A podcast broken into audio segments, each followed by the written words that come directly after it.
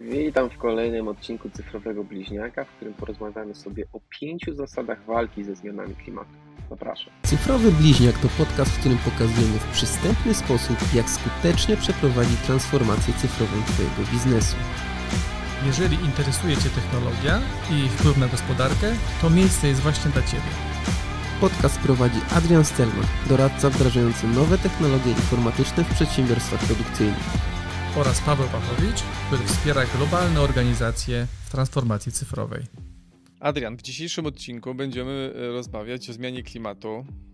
Już o tym wcześniej też mówiliśmy, e, ale dzisiaj e, podzielimy się naszymi przemyśleniami na temat tego, co, co my jako jednostka, albo co my jako społeczeństwo i, i w rozumieniu na przykład też dużych korporacji możemy zrobić, żeby przeciwdziałać e, zmianie klimatu.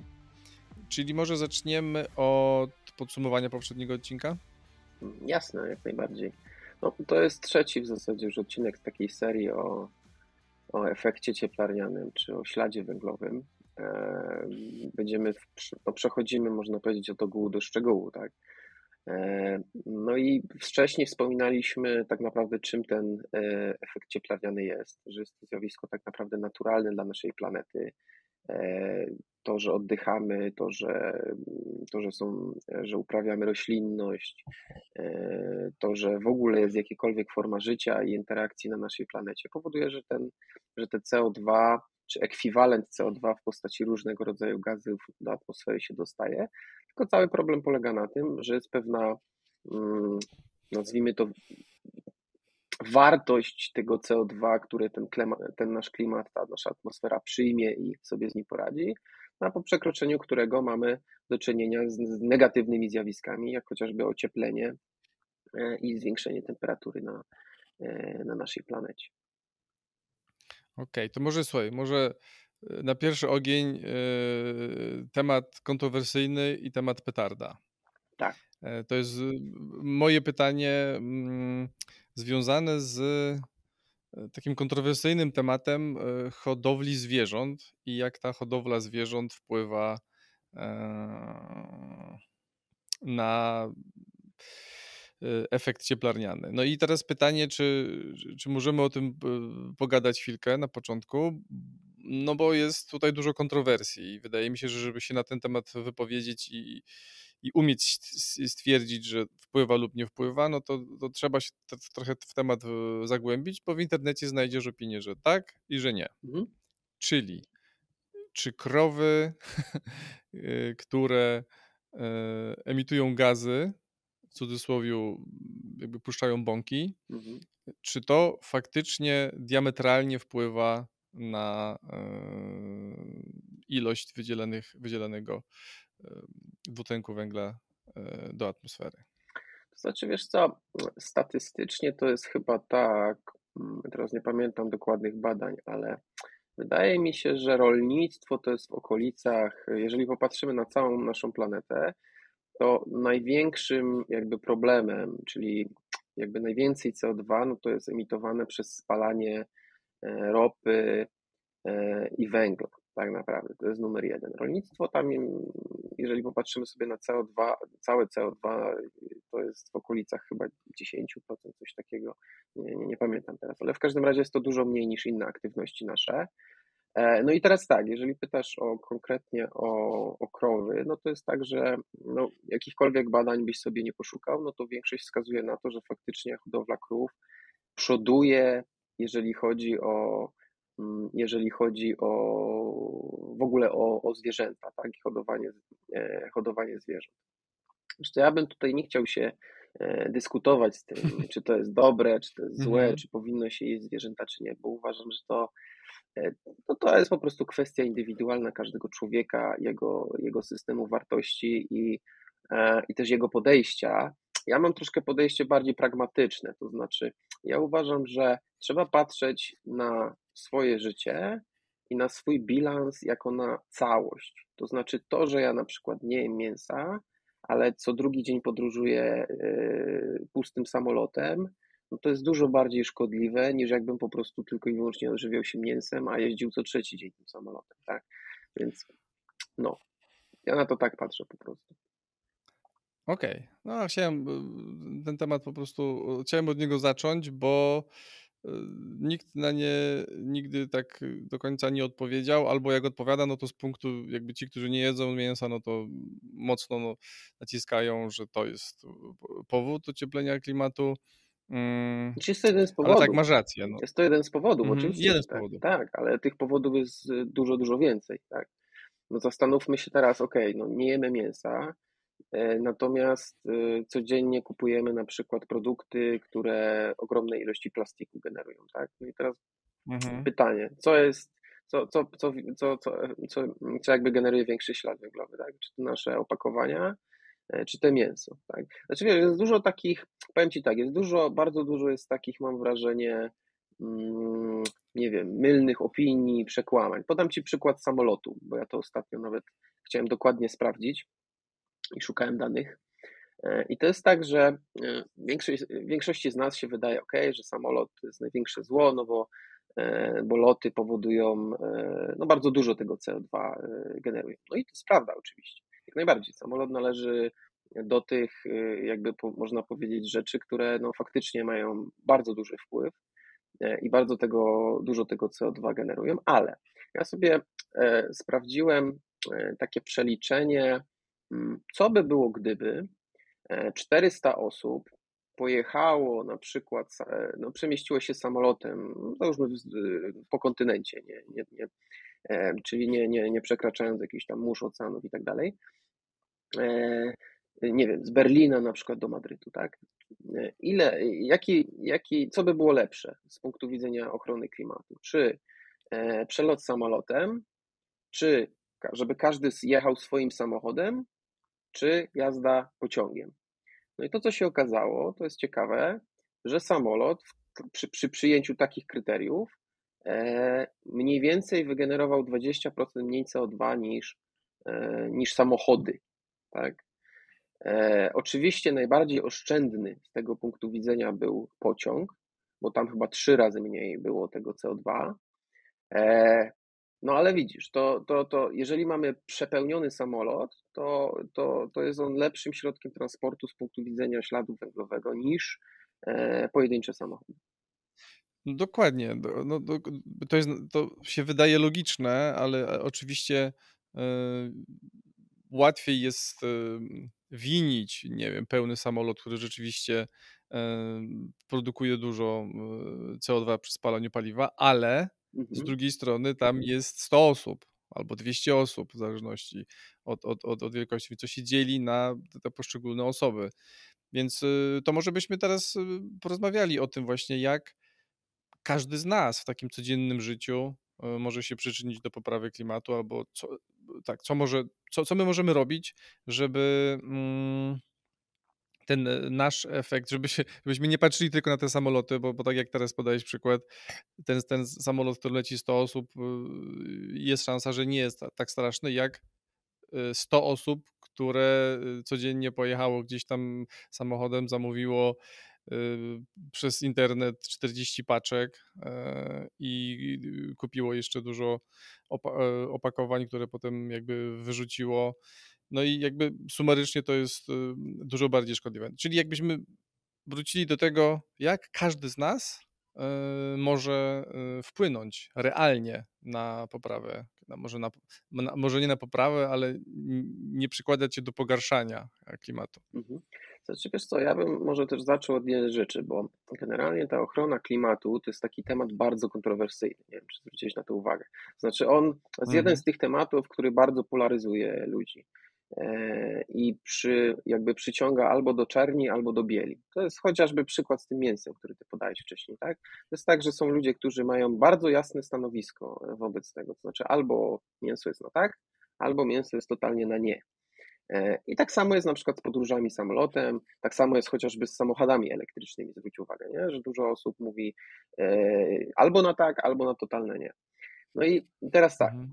ja znowu podchodzę do tego dość pragmatycznie i patrzę sobie, e, że jeżeli patrzymy na samochód elektryczny z punktu widzenia tylko i wyłącznie e, całego e, śladu węglowego, który wygeneruje on podczas swojego cyklu życia, przykładowo, no to przy produkcji samochód elektryczny, przy produkcji, jeżeli weźmiemy pod uwagę produkcję baterii samego samochodu, to jest bodajże, no statystycznie doszedłem do takich danych, że to jest mniej więcej dwa razy więcej e, generuje śladu węglowego niż e, samochód spalinowy. E, no i przyjmijmy to. No i teraz tak, i teraz no cały life cycle, no to trzeba rozłożyć na poszczególne kilometry, które ten samochód później przejeżdża. No i teraz znowu, Pytanie brzmi, skąd pozyskujemy energię? Jeżeli pozyskujemy energię z źródeł odnawialnych, jak chociażby z gigantycznego generatora energii, który jest nad naszymi głowami w postaci słońca, no to, no to, możemy, to możemy powiedzieć, że ok, w zasadzie ten ślad, który wygenerował ten samolot w czasie produkcji, on się po prostu rozkłada e, na, no na każdy kilometr, tak? I w zasadzie e, później on już jest pomijalnie mały i się balansuje. Natomiast jeżeli pozyskujemy energię z źródeł e, kopalnianych, no to tutaj sytuacja jest zupełnie, e, zupełnie inna. Więc ja, ja, więc ja bym postulował taką pierwszą rzeczą, e, którą każdy z nas może zrobić, to jest po prostu wejść głębiej w temat. To znaczy nie popadać w takie właśnie skrajności i przyjmować coś, co. Bo czasami intuicja niestety bywa mylna, tak? To jest tak, że mm, no, ja na przykład jestem inżynierem, tak? Ja lubię patrzeć na świat trochę tak w sposób najpierw matematyczny, a potem humanistyczny. No i, no i jak o czymś słyszę, no to próbuję sobie to przeanalizować, próbuję właśnie podejść do taki pragmatyczny sposób, wypracować jakieś stanowisko, ale od razu też zweryfikować je, bo, bo no, żaden z nas nie zna się na wszystkim, prawda? Natomiast e, kwestia właśnie edukacji, pogłębienia tematu powoduje, czy te nasze przekonania e, mają sens, czy nie mają sensu. Także, także to jest taka pierwsza zasada, o której warto, wydaje mi się, wspomnieć. Jasne. No tak, tak, czyli to jakby trzeba mm, rzeczywiście rozumieć temat, żeby się wypowiadać e, na niego. No dobra, no ale no to pierwszy, czyli pierwszy punkt jakby e, to jest edukacja samego siebie, żeby podejmować bardziej e, racjonalne decyzje. A Chcemy przejść przez te elementy, które wpływają bezpośrednio na zmianę klimatu, czy chcemy się zastanowić teraz, jaka jest różnica pomiędzy dużymi globalnymi korporacjami, które widać, tak samo jak samolot, versus e, takie indywidualne jednostki jak my, e, które sumarycznie prawdopodobnie e, produkują więcej CO2 niż bardzo ustrukturyzowane oprocesowane i ustandaryzowane e, zakłady produkcyjne na przykład. Znaczy, wiesz co, no to, to jest, widzisz, to jest znowu ciekawy wątek, bo często e, bywa tak, że patrzymy na tego typu tematy z punktu widzenia e, takiej, że skoro my jesteśmy jednym pojedynczym człowiekiem, który zamieszkuje swoim domostwie, no to tak naprawdę co my możemy, tak? Patrzymy sobie na dane, że 30% CO2 na przykład kilka lat temu generowanego na Ziemi pochodziło z Chin, no to co my tutaj możemy w Polsce zrobić, jak i tak 30% tego pochodzi z Chin, a w całej Unii Europejskiej tam raptem 8%, e, a z Polski no to będzie już ułamek tego. E, I z jednej strony oczywiście tak, są takie przytłaczające dane, na przykład gdzieś dotarłem do tego, że 1% tych, tych powiedzmy instytucji, które generuje najwięcej CO2, generuje mniej więcej tyle, co tysiąc razy więcej, co 1% tych, które najmniej generują. Nie? Więc tu, jak sobie popatrzysz na to z tego punktu widzenia, no to faktycznie możesz dojść do przekonania, kurde, e, no to co, to, co, co, co zmienimy, co, co my możemy zmienić. Natomiast no to jest tak troszkę, wiesz, jak z, tym, jak z tymi skrzydłami motyla, nie? że po prostu one mm, w jednym miejscu e, jakby uruchomione powodują huragan w zupełnie e, innym miejscu na kontynencie. Więc mi się wydaje, że że ta edukacja, o której wspomniałem, ona powinna właśnie wyrobić w nas pewnego rodzaju takie, takie, taki system wartości, który my postrzegamy, który jest dopasowany do naszego życia, który nie jest jakby takim totalnym ascetyzmem albo skrajnością, ale takim po prostu życiem e, w zgodzie z pewnymi regułami, tak? o których sobie też zresztą zaraz powiemy, ale edukacja jest dla mnie tą rzeczą, tą rzeczą nadrzędną. No dobra, Czyli ja się tu zgadzam w 100%, e, bo nie należy się wypowiadać e, tylko na podstawie, nie wiem, jakichś wniosków wyciągniętych z paru artykułów w internecie, tylko trzeba temat zgłębić, żeby się wypowiadać. No ale jak patrzymy sobie na ciebie, mnie, jakieś inne osoby, które funkcjonują e, na Ziemi, a potem patrzymy sobie na przykład na dużą globalną korporację, mhm. e, no to jak, jak, jak ty to oceniasz? Jak, jak ty oceniasz y, to, jak podchodzimy do siebie, a jak podchodzimy do y, dużych firm, no wiadomo, to są firmy, które działają po to, żeby y, generować zysk, więc często patrzymy i, i często to jest ogromny zysk, e, więc pewnie odruchowo myślimy, o, on jakby tyle ta firma zarabia, więc a się przyczynia do mm, emisji CO2, no to pewnie jakoś ukarać trzeba, albo a potem my jako jednostki podchodzimy do tego w taki sposób, że nie, no to ja to co, ja tutaj nic nie, ja tu nic nie mogę, ja tu nic nie znaczę jako jednostka, no ale jak sobie pomnożymy to przez 6 miliardów, no to już jednak coś to chyba znaczy. Znaczy wiesz, to jest też, też ciekawa sprawa, bo jeżeli ukażemy jakąś firmę, to tak, ukażmy wszystkie firmy, no to w tym momencie my jako konsumenci też to odczujemy, będziemy drożej płacić za te produkty. To jest tak samo jak e, elektrownie na przykład e, węglowe płacą kary za to, że, że na przykład przekraczają jakieś tam normy emisyjne, no to tak samo my za to płacimy w postaci e, rachunków za prąd. Także E, mhm. oczywiście, jak ktoś ma takie stanowisko, ok, tylko trzeba mieć świadomość jakby konsekwencji tego stanowiska. Natomiast tak, myślę, że też mm, żyjemy w takim troszkę błędnym przeświadczeniu, bazując na, na tym, że nas, nasz mózg czasami nie nadąża nad, tym, e, nad tymi szybkimi zmianami, jakie toczą się wokół nas. No podam Ci przykład. E, w 2014 roku było takie badanie robione, które kraje generują najwięcej CO2 jako suma, można powiedzieć, sumarycznie. No i tam Chiny faktycznie były na pierwszym miejscu, na drugim były Stany i to mniej więcej była połowa tego, co Chiny. Natomiast od tego czasu e, Chiny e, no w dalszym ciągu tego CO2 generują bardzo dużo, ale diametralnie zmieniły podejście do polityki klimatycznej. Tam się ogromne pieniądze w tej chwili inwestuje w ostatnich paru latach, e, jeżeli chodzi o, o energie odnawialne. Mm, bardzo dużo firm powstało, które tworzą e, samochody elektryczne. Nawet w Chinach powstał taki budynek największy na świecie, który jest takim żywym e, oczyszczaczem powietrza, można powiedzieć. E, więc, no, więc to, to, to są bardzo ciekawe rzeczy. No i teraz tak, jeżeli nie, i to są rzeczy, które się wydarzyły stosunkowo niedawno w sensie w ostatnich kilku latach. A, a, a, nasz mózg bardzo często postrzega pewne sprawy w taki sposób, że żyjemy w takich przekonaniach, które zostały zbudowane 10 lat temu, 15 lat temu. Niektóre z nich powstały nawet jak byliśmy dziećmi. Tak? No i teraz właśnie nie będąc na bieżąco, nie edukując się, e, ciągle e, jakby pozostajemy w tych, w tych czasami już błędnych przekonaniach, znaczy błędnych, no nieaktualnych można powiedzieć. E, ja mam dużo do czynienia z przemysłem no, samochodowym, i powiem tak, no, ogromne inwestycje przemysł samochodowy na całym świecie e, jakby przeznacza na, e, na właśnie mm, redukcję e, swoich śladów węglowych, chociażby przez, przez właśnie budowanie farm solarnych, na to, żeby zakłady mogły być no, samowystarczalne energetycznie, można powiedzieć, albo niezależne energetycznie. E, bardzo dużą uwagę przywiązuje się do całego cyklu życia produktu i całego cyklu życia identyfikowalności produkcji.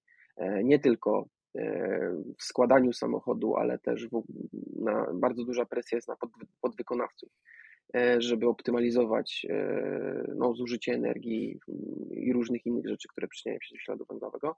Więc ja myślę, że korporacje bardzo dużo robią, żeby, żeby, mm, no żeby tutaj te rzeczy zwalczać. Natomiast my czasami o tym nie, nie wiemy, nie widzimy tego na bieżąco, stąd pozostajemy w jakichś tam przekonaniach, które powodują, że e, no nie próbujemy jakoś e, na nasze życie tak, tak po prostu popatrzeć pragmatycznie. Mhm. A tutaj ja bym chciał dopytać o, o ten przemysł e, samochodowy. Mhm. Jakby roz, rozumiem, że oni, że, że ten przemysł dużo inwestuje w, w to, żeby zmniejszyć e, swój ślad węglowy, natomiast e, dlaczego inwestują? Inwestują dlatego, że są normy, które są narzucone i oni muszą im sprostać, czy po prostu inwestują dlatego, że energia elektryczna jest coraz droższa? Znaczy, wiesz co, no jakbyś się nad tym zastanowił, to, e, to jest dużo e, jakby powodów, e, czemu redukować swój ślad węglowy. Po pierwsze, z punktu widzenia jakby mm, marketingu jest to bardzo fajne zagadnienie. Z punktu widzenia inwestycji, jakby tak samo, no bo te, te, większość tych firm jest na giełdach, a tam bardzo ważnym czynnikiem jest oceny, jest chociażby czynnik ESG, E, na który environment, e, jakby, czyli, czyli już ochrona środowiska ma bardzo duże znaczenie. E, inną rzeczą są koszty oczywiście, no bo koszty energii, surowców są coraz wyższe. No i oczywiście dochodzi, dochodzi kwestia jakichś takich przestrzegania pewnego rodzaju norm narzuconych również przez czy to Unię Europejską, Mamy już kraje w tej chwili, które, no tak, Francja na przykład nie zezwala już na loty wewnątrz kraju, tak, samolotem, e, czy chociażby Belgia, e, no teraz akurat mam taki przykład e, od razu, bo, bo tam teraz akurat projekt realizuję, no to tam, mhm. żeby wjechać samochodem spalinowym, no to płacisz codziennie opłatę kilkadziesiąt euro za to, że tam sobie jeździsz. Więc ta walka jest oczywiście z punktu widzenia rządów, Eee, no i, i, to, i to widać, że to, że to idzie w pewnym, pewnym kierunku. Okej, no dobra, to to jest y, w miarę dobrze y, rozwinięte i, i każdy chyba już y, jest na tyle zmotywowany, żeby samemu może sobie poeksplorować ten temat, bo rzeczywiście my na to na, na pytania nie odpowiemy, czy jeść mięso, czy nie jeść, ale ogólnie zachęcamy do tego, żeby się edukować. No to Przedstawmy może w pigułce pięć zasad walki z, z ociepleniem klimatu, ze zmianami klimatycznymi. No i tutaj ciekawe, czy będziemy mieli zbliżone podejście, bo ja lubię bardzo się z Tobą nie zgadzać, bo wtedy Super. mamy ciekawe dyskusje. Niestety przeważnie się zgadzamy, e, więc y, porozmawiajmy o tych pięciu elementach który każdy z nas może, może zrobić, albo na jakimś, w jakimś sensie e, może e, na, ten, na tą emisję CO2 wpłynąć. Tak, no to pierwszym już powiedzieliśmy, to jest edukacja. E, to teraz możemy przejść do drugiego. Moim zdaniem redukcja konsumpcji. Mhm. A twoim? Znaczy, ja bym może nie powiedział, że to jest redukcja konsumpcji, ja bym powiedział, że to jest walczenie z marnotrawstwem. Może tak. Okay, Bo tak, tak. konsumpcja w rozumieniu takim, że my za dużo kupujemy, e, mm, to tak, to bym się zgodził, dlatego że, e, że faktycznie, e, jak sobie właśnie patrzymy na, na świat, no to tak zwane społeczeństwo zachodnie, do którego należymy jako Europa, mm, jako, jako Stany Zjednoczone, i tak dalej, jako tam część taka najbardziej rozwiniętych gospodarek, no to można powiedzieć, my się właśnie zmagamy z problemem e, zaśmiecenia, my się zmagamy z problemem, w sensie takim, że generujemy bardzo dużo śmieci. E, mamy problem właśnie związany z dużą emisją CO2, z zawiesinami tego CO2 na, e, w atmosferze, z różnego rodzaju dymem tutaj odczuwalnym na, i tak dalej. Mamy, y, no i mamy, mamy problem z tym, że wyrzucamy bardzo duże ilości e, dobrych rzeczy, e, czy to, e, czy to żywności, no, który, z którym no, już wiele się nie da zrobić, jako kompost może wykorzystać, czy to chociażby z ubraniami, które jeszcze nadają się do tego, żeby w nich, w nich chodzić, czy to, czy to chociażby przedmiotami codziennego użytku. Na przykład podoba się w tych społeczeństwach skandynawskich to, że tam jest takie podejście, ja pierwszy raz pamiętam, byłem zdziwiony, jak byłem w Szwecji tam wiele lat temu, że oni, e, jak mają miejsca takie, e, gdzie są śmieci, to tam są takie specjalne stoiska odkładcze, w których można różne rzeczy, z których ludzie nie korzystają, odkładać. Ja tam i, i, pamiętam, że jak tam z, takim, z, z, takiego znajomego spotkałem w tej Szwecji, on mówi, że on praktycznie pierwsze mieszkanie, które, w którym tam kupił w Szwecji, to całe praktycznie e, wszystkie meble, wszystko miał z tego, z tego w cudzysłowie śmietniska, bo tam były bardzo dobre rzeczy. Tylko, że one nie szły na mhm. śmietnik, tylko one po prostu szły na takie miejsce, gdzie ktoś, e, gdzie ktoś jak potrzebował, to sobie mógł to po prostu zabrać, jak, jak mieszkam na tym samym osiedlu. Więc ja myślę, że to jest fajne podejście. Nie? Tak, tak. No ja też tutaj miałem redukcję takiej, miałem na myśli redukcję konsumpcji, ale takiej zbędnej. ja też mieszkałem parę lat w Stanach i nigdy nie widziałem takiej sytuacji, w której jedna rodzina wyjeżdża czterema koszykami na przykład z, z marketu. Mhm. E, I ona wyjeżdża, na każdą osobę jeden koszyk przypada. No i potem e, zakładam, że 30% tego e, jest wyrzucane na końcu tego jedzenia, bo to są niemożliwe ilości. No ale taka, taka, taka jest tam kultura jakby kupowania. Mhm. Tak. No i to y, jako kolejny element, który można by było omówić, to jest y, y, odpowiedzialne podróżowanie. Mhm. Tak, rozwiń. Odpowiedzialne podróżowanie no, takie, żeby. Nie, właśnie może się zgodzisz, żeby, żeby wybierać odpowiednio te e, środki transportu o niskiej emisji, no ale sugeruję sobie to przeliczyć, to co mówiłeś. Mhm. Czyli e, jest popularne na przykład też w, Stanach, nie wiem czy w innych krajach też, coś co nazywa się carpooling. Mhm. E, carpooling, czyli są pasy dedykowane na highwayu, które są dedykowane tylko do samochodów, w których jedzie na przykład dwie osoby lub więcej. Tak. I ty jak jedziesz sam samochodem, no to nie możesz z tego pasu korzystać, czy stoisz w korkach. Mhm. A ten, kto ma w samochodzie dwie, trzy, cztery osoby, spokojnie sobie jedzie tym pasem, mm, który jest dedykowany do tego carpoolingu właśnie. Mhm. Znaczy wiesz co, e, to może właśnie ja to też rozwinę. E, to jest tak, że tak jak wspomniałem wcześniej, ja mam takie podejście, e, ja mam takie podejście dość pragmatyczne, to znaczy ja się zgadzam z tym, że oczywiście transport jest szalenie ważny, mm, tylko że on występuje nie tylko w takiej postaci, w której no to my sobie gdzieś podróżujemy i tak dalej, tylko o, tak naprawdę w każdej jednostce konsumpcyjnej, cokolwiek byśmy nie kupili fizycznego, tam ten transport też jest. Więc y, o tym też trzeba pamiętać. Więc jeżeli my jeździmy na rowerze, a jednocześnie kupujemy sobie e, awokado e, z Mozambiku, no to te awokado musiały jakoś tam do nas trafić, nie? Więc to, więc to no, ja po prostu nie chcę, żebyśmy, żebyśmy byli, żyli w takim przeświadczeniu, że robimy dobrze, e, a nie wchodzimy w, w, trochę większy szczegół. Ale wracając do tak, transportu. Tak, czyli... mhm. Wracając do transportu. Nie, czyli powinniśmy mieć no. Powinniśmy mieć lokalnie y, po prostu marchewkę. W sensie, to jest taki żart trochę, bo ja, ja rozumiem o co chodzi, ale faktycznie jak się nad tym zastanowić, to, to, to jedzenie e, lokalnie no, ma ogromny wpływ na ten ślad węglowy. Przeogromny wpływ. Tak jak powiedziałeś, no awokado z Mozambiku, a e, marchewka z, gdzieś ze wsi pod, pod, pod, pod miastem, no to ona tu przyjechała, nie wiem, w 30 minut może, a awokado to nawet nie wiem, chyba jakimś statkiem musiało płynąć, czy coś takiego. No więc... tak, właśnie o to chodzi, nie? Dlatego wiesz, i tu znowu ja nie jestem krytykiem kupowania awokado, ani nie jestem krytykiem, ani nie jestem fanem kupowania marchewki.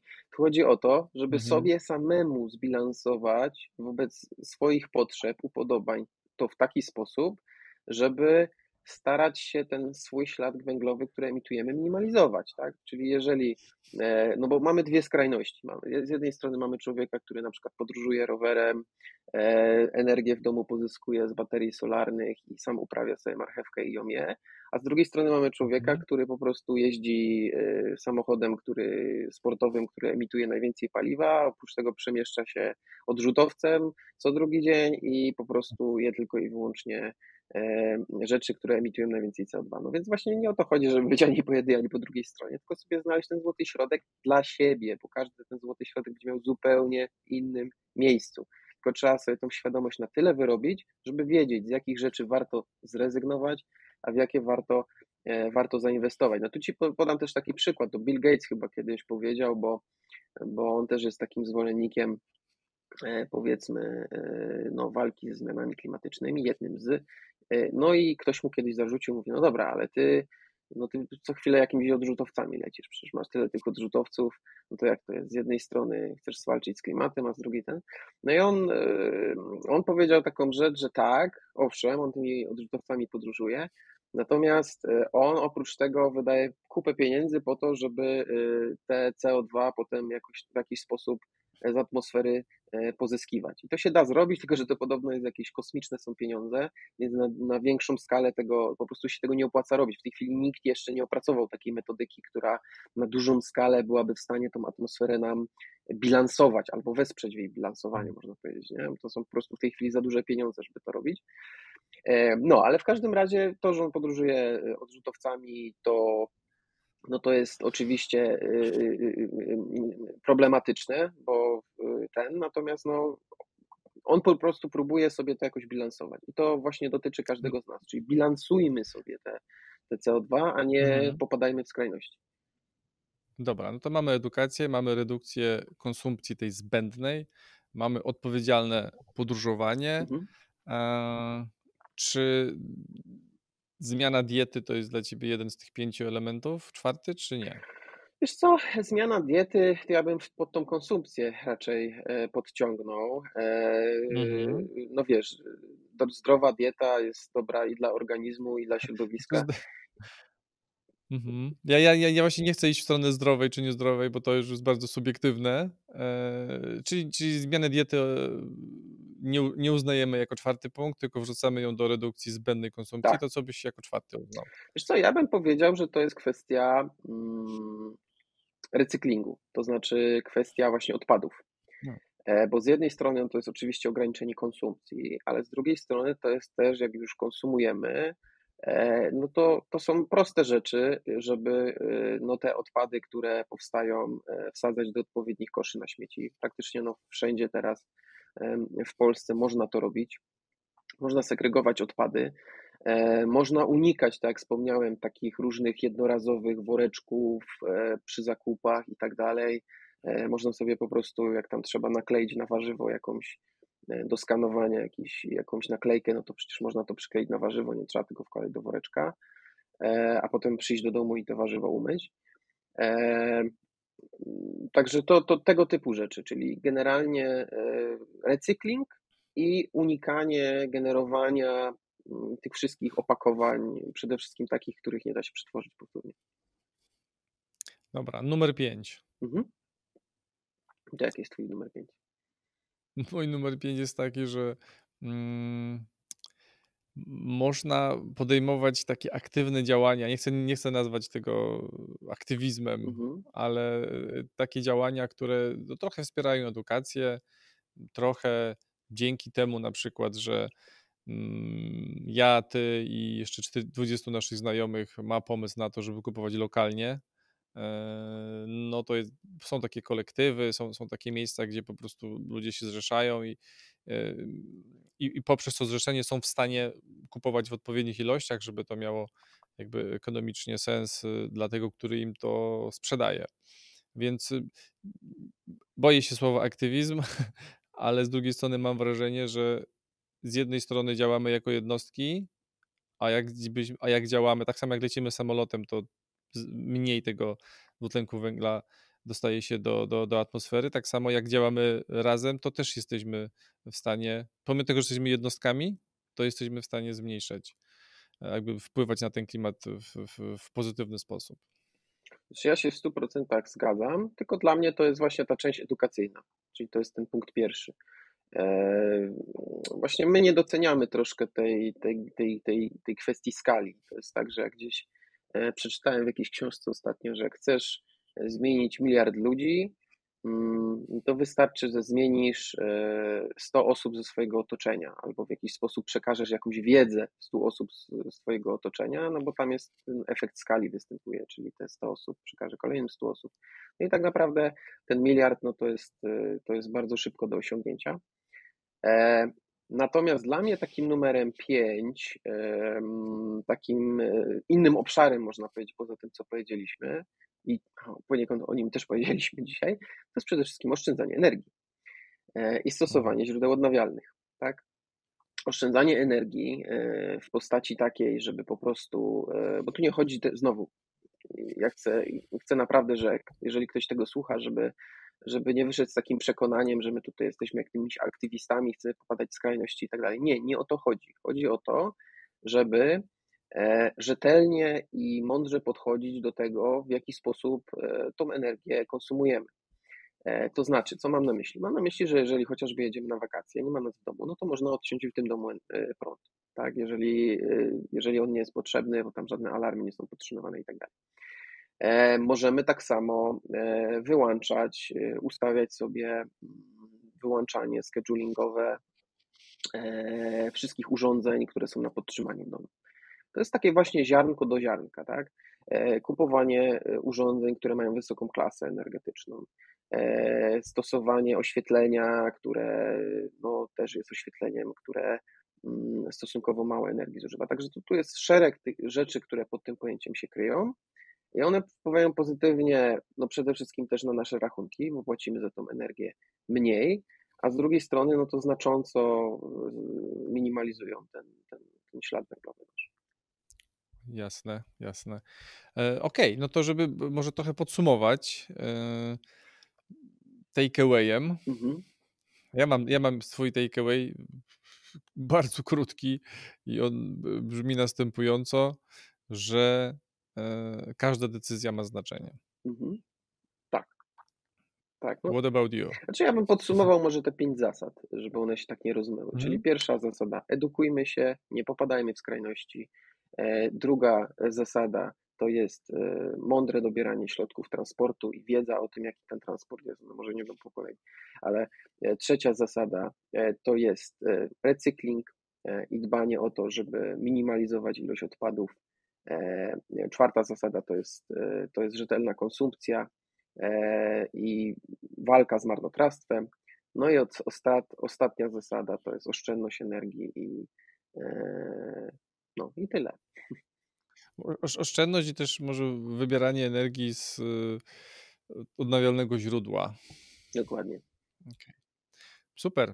Dzięki, dziękujemy bardzo za uwagę, jeżeli byliście uważni. E, I y, czekamy na komentarze.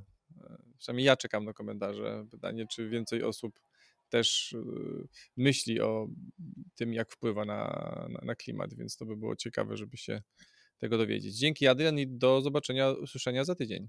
Dzięki, cześć.